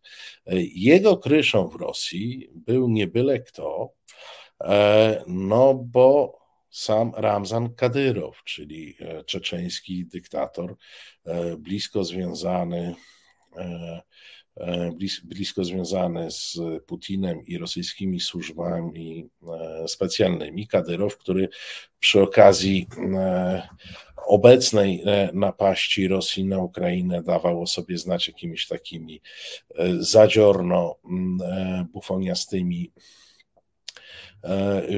filmikami i pogróżkami wobec e, wszystkich. E, no, tenże Filip S. chwalił się znajomością z Andrzejem Dudą, podobno w ten sposób uwodził Kadyrowa, podobno im obiecywał Kadyrowowi i rosyjskim służbom, że zarekomenduje ich Dudzie i podobno machał mm, E, e, machał zdjęciem e, własnym z Andrzejem, z Andrzejem Dudą. Kancelaria prezydenta, zapytana przez Tomka Piątka przy okazji książki, udzieliła odpowiedzi takiej, że żadnych oficjalnych kontaktów z Filipem S. nie było o, mm, o, o nieoficjalnych się nie wypowiedziała e, taże kancelaria. Więc jak widać, człowiek e, wielu e, talentów, człowiek jakoś nieustająco związany z Rosją. Zresztą on w którymś momencie, kiedy był w Polsce poszukiwany za przeróżne potencjalne nadużycia, to po prostu sobie uciekł do Rosji i tam siedział, e, tam siedział spokojnie. Mm, ciekawa historia, e, proszę Państwa, odsyłam do oczywiście strony Radia Z i tekstu e, Radka, ale chcę Państwu zwrócić uwagę, że tak się jakoś dziwnie składa i nieustająco tak się dziwnie składa, że jak dotykamy jednej afery, to zaraz się okazuje, że z nią są powiązane cztery inne, i zaraz się okazuje, moi drodzy, że e, cały czas mamy do czynienia z bardzo podobnym świadkiem, czy raczej należało powiedzieć półświadkiem. E, I co moment w tych aferach wyskakuje nam jakiś polityk e, PiSu. Trudno uwierzyć e, w takie, e, w takie przypadki, szczególnie, że to, to, o czym pisze Radek, to była współpraca ze zdiagnozowanym, mówię tu o Adamie H., zdiagnozowanym przestępcą, podejrzanym o przestępstwa, podejrzanym o korupcję, podejrzanym o wyłudzenia kredytów, potężnej aferze, jaką jest afera skoku wołomińskiego, dla celów politycznych, bo one się ciągle przeplatają, te cele merkantylne, pieniężne z celami politycznymi, no bo Adam H. miał załatwić, tak twierdzi świadek, miał załatwić Neumana przede wszystkim, Maksymowicza przy okazji, miał zebrać na nich papiery, no i jakoś tak się złożyło, że dzień po po spotkaniu, z domniemanym spotkaniu z Karczewskim, Adam H. ruszył w trasę po to, żeby, po to, żeby zbierać odpowiednie informacje i materiały, które zresztą, jak Państwo wiecie, potem się nam objawiły w mediach, w mediach różnych. I, I, efekt tej pracy poznaliśmy. Efekt tej pracy poznaliśmy niedługo po tym, jak, no dobra, przyjmując wersję oficjalną, niedługo po tym, jak pan marszałek nie spotkał się z Adamem H. Mowa tutaj, może Państwo pamiętacie, o aferze Sensor Clinic. Jak wbijecie gdzieś tam Sensor Clinic, to zobaczycie, kto publikował i co publikował. Tam obciążany miał być Sławomir Neumann jako wiceminister, były już wtedy wiceminister zdrowia w resorcie Bartosza Arłukowicza. Popatrzcie Państwo. Popatrzcie Państwo. Gdzie jest aferka? Gdzie jest przekręt? Gdzie są miliony, setki milionów albo miliardy? Gdzie jest pranie pieniędzy? Gdzie są spółki słupy? To zawsze pojawia się w różnych odsłonach. To samo grono osób, to wydaje się być nieduży świat i jakiś polityk PiS, który oczywiście nie wie, nie pamięta, nie rozumie. E, I oni są wszyscy dziwiszami. Serio. Zagramy w tej chwili coś i kolejny temat.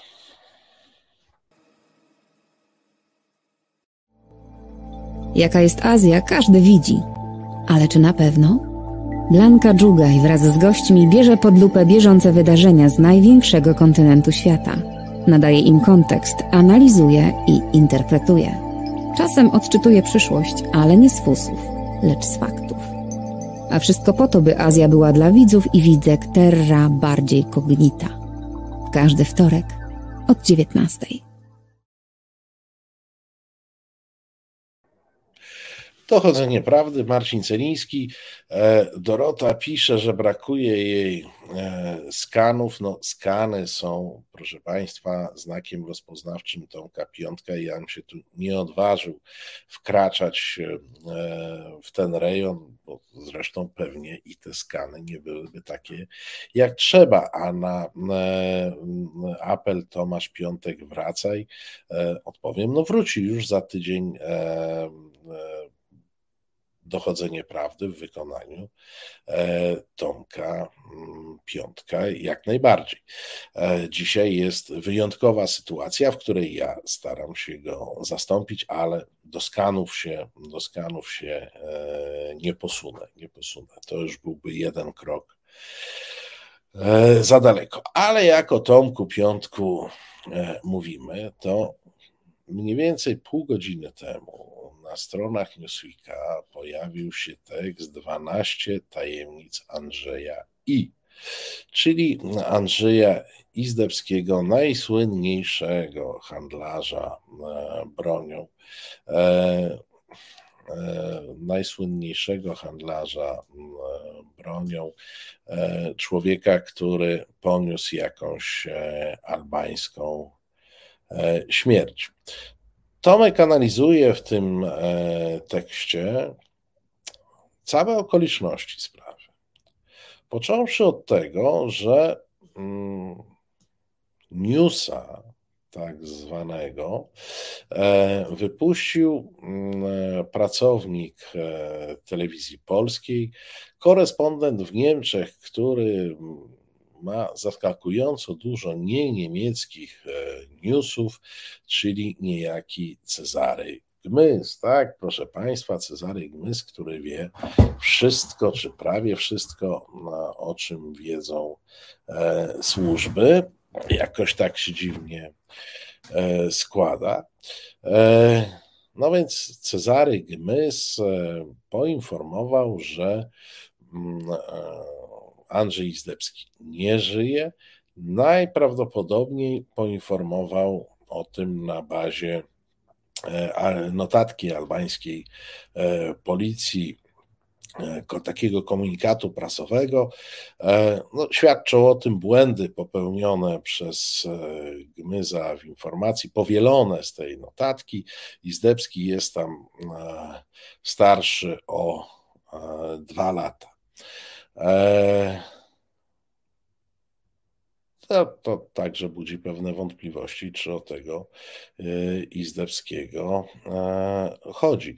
E, później był e, komunikat, taki przeciek z lubelskiej prokuratury do TVN-u, mm, no, że mm, Andrzej Izdebski faktycznie nie żyje mm, i że został skremowany.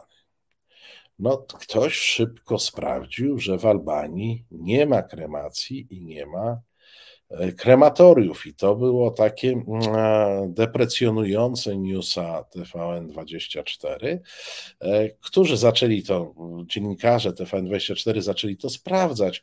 No i okazało się, że mm, ciało przewieziono do Polski, gdzie je skremowano i pogrzebano, konkretnie kremację mm, przeprowadzono w Łodzi. Pogrzeb odbył się w Lublinie. No tutaj Cezary Gmyst e, e, oczywiście triumfował na Twitterze, że TVN e, wypuścił nieprawdziwe informacje. No wypuścili takie informacje, jakich im udzielono, a potem zostały one sprostowane. Proszę Państwa, e, tu jest jest w tym coś dziwnego. Jest człowiek, który mm, jest poszukiwany przez e, prokuraturę i jak e, kontrola poselska posła, posłów Szczerby i Jońskiego wykazała, te poszukiwania były takie mm, mało intensywne. E, jeżeli sobie przypomnimy, jak,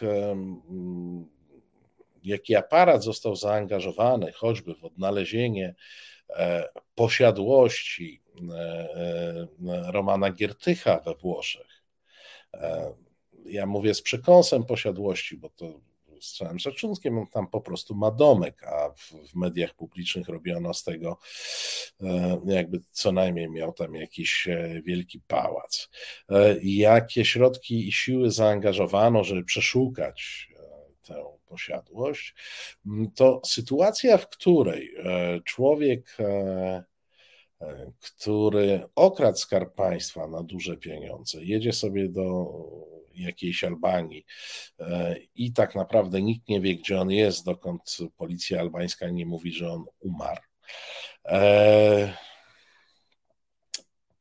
jest zastanawiająca. I prawda jest taka, że poza tym, że wykonano pewne czynności formalne, to tak naprawdę nikt go nie szukał. No, znamy okoliczności, mm, znamy to, co się działo po jego e, śmierci.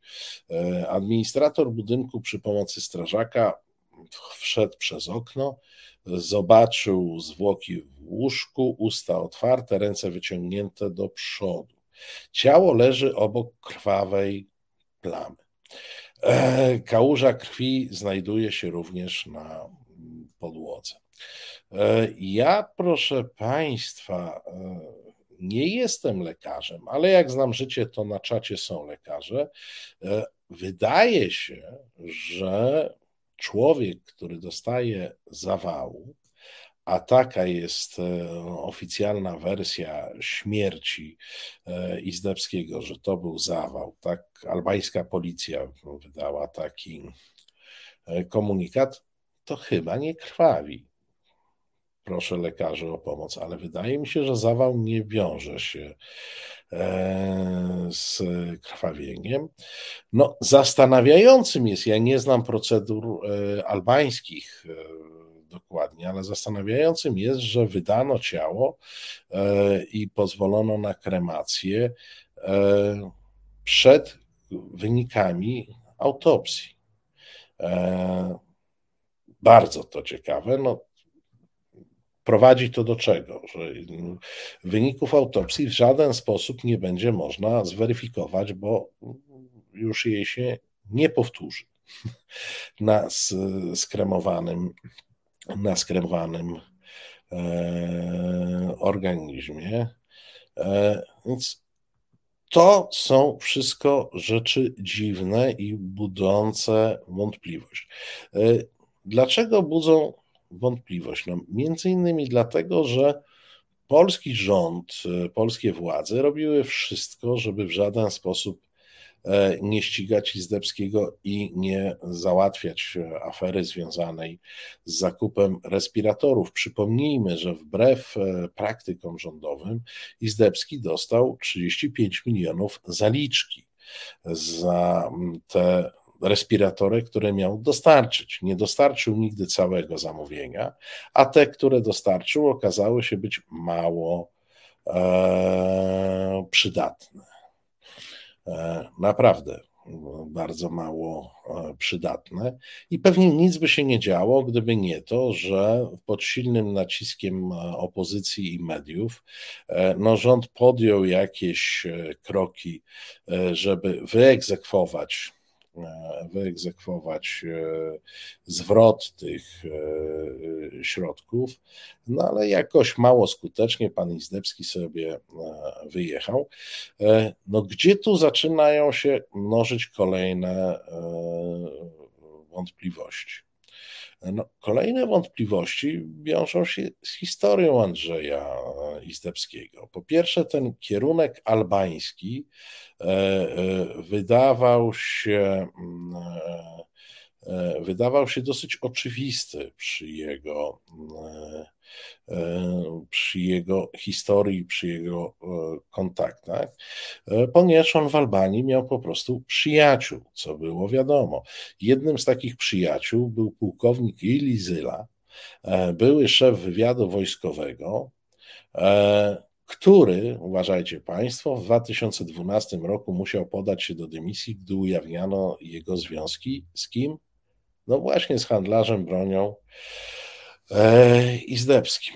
I pan pułkownik Zyla mm, gdzieś tam załatwił, wynajął, pomógł wynająć w Tiranie ten apartament, w którym nastąpił krwawy e, zawał. Zyla utrzymywał kontakt, y, jakoś opiekował się Izdebskim, to Zyla przekonał administratora budynku, że trzeba zajrzeć do tego mieszkania, żeby zobaczyć, co się dzieje. Także to pan pułkownik Zyla zeznał policji, że dzień przed zgonem e, pana Izdebskiego bolało mm, serce. E, na czym polegały jego związki z Andrzejem e, Izdebskim? No, oczywiście na e, firmach zarejestrowanych w Tiranie, które prowadziły handel bronią. W Albanii uznano, że no, urzędujący szef służby specjalnej nie powinien być w takich spółkach, że jest to konflikt interesów i pan pułkownik wtedy stracił swoje e, stanowisko. E, firmy albańskie Izdebskiego e, pośredniczyły w, w sprzedaży broni, broni, pośredniczyły między innymi w sprzedaży amunicji, którą z Izraela nielegalnie sprzedawano rządowi nigeryjskiemu, który był objęty mm, sankcjami. W takich przypadkach bardzo często interweniują służby państw e, e, demokratycznych. Dzięki swojej działalności pan Izdebski trafił na czarną listę ONZ ze względu na łamanie e, embarga na dostawy broni. Pan Izdebski, proszę Państwa, oczywiście wywodzi się z polskich służb specjalnych. E, ma swoją e, teczkę w IPN-ie, ma swoją przeszłość wskazującą na to, że należy do tych współpracowników służb, e, których dane nie zostały w pełni ujawnione, ponieważ kontynuowali oni swoją służbę po przełomie 1989 90. Mm, o dziwo, proszę Państwa, o dziwo, proszę Państwa, te związki Zdebskiego e, z obecnym e, rządem, a może nie o dziwo, a może to dosyć oczywiste, e, są szersze niż tylko kwestia respiratorów i może tym należy tłumaczyć to, że mm, bardzo długo nie przedstawiano mu zarzutów i bez przeszkód wyjechał z Polski. Jak mówiłem, trop albański byłby oczywisty, ale polscy prokuratorzy nie skontaktowali się z prokuraturą w Albanii, nie poprosili o pomoc prawną, e, choć wiedza o tym, że tam Istebski ma e, spółki i tam prowadził przeróżne interesy, e, nie była w żaden sposób tajna. Przypomnieć należy, że Mm, no mamy tę wiedzę, e, mamy tę wiedzę z e, nieocenionego źródła, jaką są maile ze skrzynki Dworczyka, e, że to premier Morawiecki osobiście zdecydował o kupieniu respiratorów. To jest ta słynna decyzja wyrażona słowami brać. Minister, wiceminister Cieszyński pokazał ofertę, a Morawiecki powiedział brać. proszę Państwa, no, człowiek działa od lat, działa na pograniczu prawa albo poza e, prawem, e, robi interesy, raptem pojawia się w sferze, w której go nigdy nie było, czyli w sferze urządzeń medycznych, dostaje pełne zaufanie rządowe, Powiecie Państwo, nawet jeżeli by przyjąć, że respiratory powinni dostarczać handlarze bronią, to Izdebski nie jest jedynym handlarzem bronią, który jest, e, który jest e, w Polsce. Pojawia się jakoś zbyt e, często w przeróżnych, w, w przeróżnych sprawach związanych z tym e, rządem. E, i jakoś e, jakoś ciągle, jakoś ciągle, mm, proszę Państwa, nie ma problemów, albo jego problemy są znikome w stosunku do tych, które on które on stwarza. Mm, jest to człowiek, którego polskie służby powinny dawno mieć e, no, co najmniej pod bardzo dużą e, kontrolą. E, w 2002 roku dziennikarze wyborczej mm, odwiedzili siedzibę jednej z jego spółek, chcieli spytać Izdebskiego, czy łamie embargo ONZ na dostawy broni.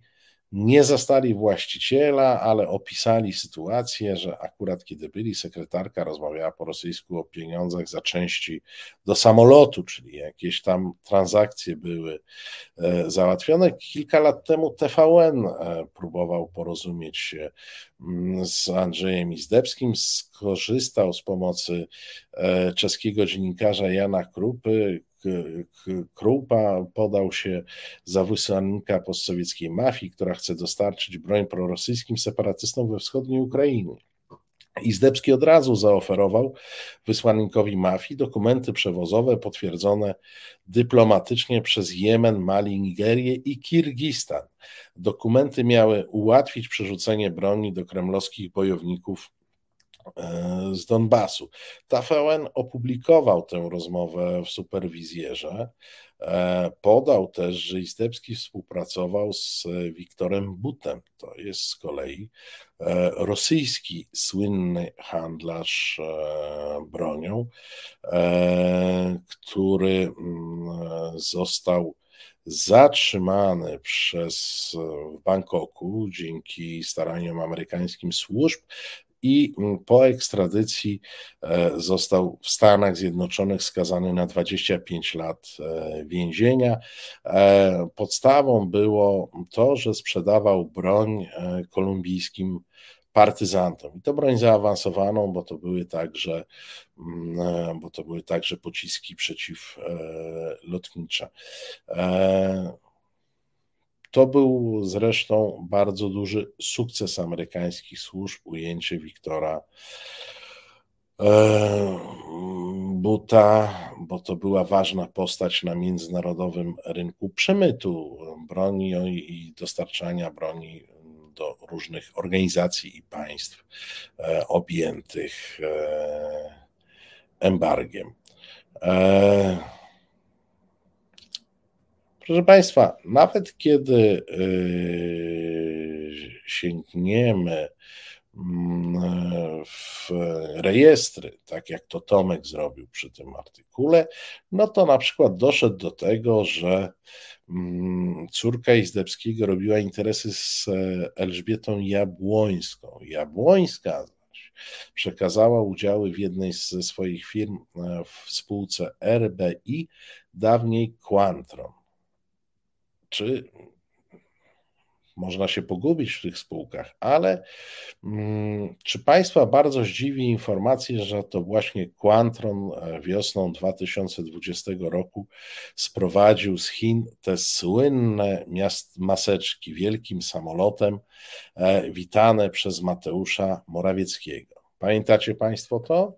To ten taki radosna e, chwila radosna chwila, kiedy Morawiecki wita maseczki, które e, potem e, okazały się być maseczkami niecertyfikowanymi i bezużytecznymi. Tak, czyli zobaczcie Państwo, że tutaj jakby córka Izdebskiego jest powiązana z kimś, kto brał udział w tym sprowadzeniu. No tu się jakoś domyka to kółeczko robienia interesu E, przez polski rząd e, z dziwnymi e, firmami. Mm, ten, ta transakcja, ten przewóz był ubezpieczany ze strony polskiej przez agencję wywiadu, a ze strony Chin przez firmę Hagza stworzoną no, przybudówkę ich służb e, specjalnych, dosyć ta, taką firmę, której outsourcuje się, której służby chińskie outsourcują różne czynności. Zatem pod opieką służb, można powiedzieć, funkcjonował e, pan Andrzej Izdebski e, i cały czas tę kryszę rządową miał zapewnioną i cały czas robił przeróżne interesy, e, przeróżne interesy na pieniądzu publicznym e, także. Państwo piszą, że świat jest mały. No, szalenie maleńki, a ten pisowski to już taki naprawdę ogranicza się. Możemy chyba tak od kilkunastu do kilkudziesięciu nazwisk sobie na liście zestawić e, i cały świat biznesu pisowskiego nam się, e, nam się robi e, no, w jednym w jednym miejscu. Bożena pyta, czy to ten but, który ma być zamieniony na Amerykańców, na amerykańskich jeńców w Rosji? Tak, tak, tak. Jest to e, człowiek z jakichś przyczyn mm, e, ważny dla Rosjan. Być może on ma jeszcze wiele do powiedzenia, czego Amerykanom nie powiedział, tylko grzecznie przyjął e, wyrok i poszedł siedzieć. Na wszelki wypadek zawsze warto mieć go pod ręką. E, być może ta wymiana będzie w Albanii, no i wtedy sami wiecie, może być e, e, różnie. Bożena pisze, Tomek ma te nazwiska na jednym skanie, numer 24. No, proszę Państwa, rozumiem uzależnienie Wasze od, od skanów. Jeszcze raz powiem, te skany pojawią się pojawią się e, za tydzień. E, Charlie Bell pisze, wniosek z tego jest prosty, węgiel pojawi się tak samo jak maseczki, skoro Mateusz e, obiecał. Państwo znacie doskonale moje zdanie na temat tego rządu. Tam najważniejsze jest przepalić y, pieniądze, tak? Bo przy tych wszystkich złych rzeczach, które oni robią, to oni oczywiście jeszcze lubią e, zarobić e, osobiście, więc e, to są duże pieniądze, a czy coś dojdzie, nie dojdzie, czy, czy będzie, czy nie będzie, e, to jest naprawdę wtórne wobec tego, ile można na tym, jak to mówią w środowisku przyciąć, bo proszę Państwa, na każdej takiej transakcji e, to się po prostu przycina i najczęściej przycina więcej niż e, jedna e, niż jedna osoba. Lubomir pisze na miejscu buta, to bym się zastanowił, czy nie lepiej zostać w USA. Ja też bym na jego miejscu się zastanowił, natomiast pytanie, czy on ma czas i miejsce e, i możliwość zastanawiania się, bo to jest chyba, proszę Państwa, nie takie proste. Proszę Państwa, za tydzień wracają skany, wraca Tomasz Piątek e, i wszystkie niedobory, które były w dzisiejszym programie, zostaną wyrównane, albo i nawet w dwójnasób E, uzupełnione. Ja Państwu dziękuję za e, dzisiejsze spotkanie i mam nadzieję, że mimo braku skanów nie było całkiem e, złe. Kłaniam się Państwu nisko, ponieważ już nadchodzi prawoteka, a ja wiem, tak mi zawsze tłumaczyli, sędziami, sędziami się nie dyskutuje, więc ja nie będę dyskutował i nie będę wchodził im e, w paradę. Kłaniam się Państwu nisko, to było Dochodzenie Prawdy, Reset Obywatelski, Marcin Celiński. Reset Obywatelski.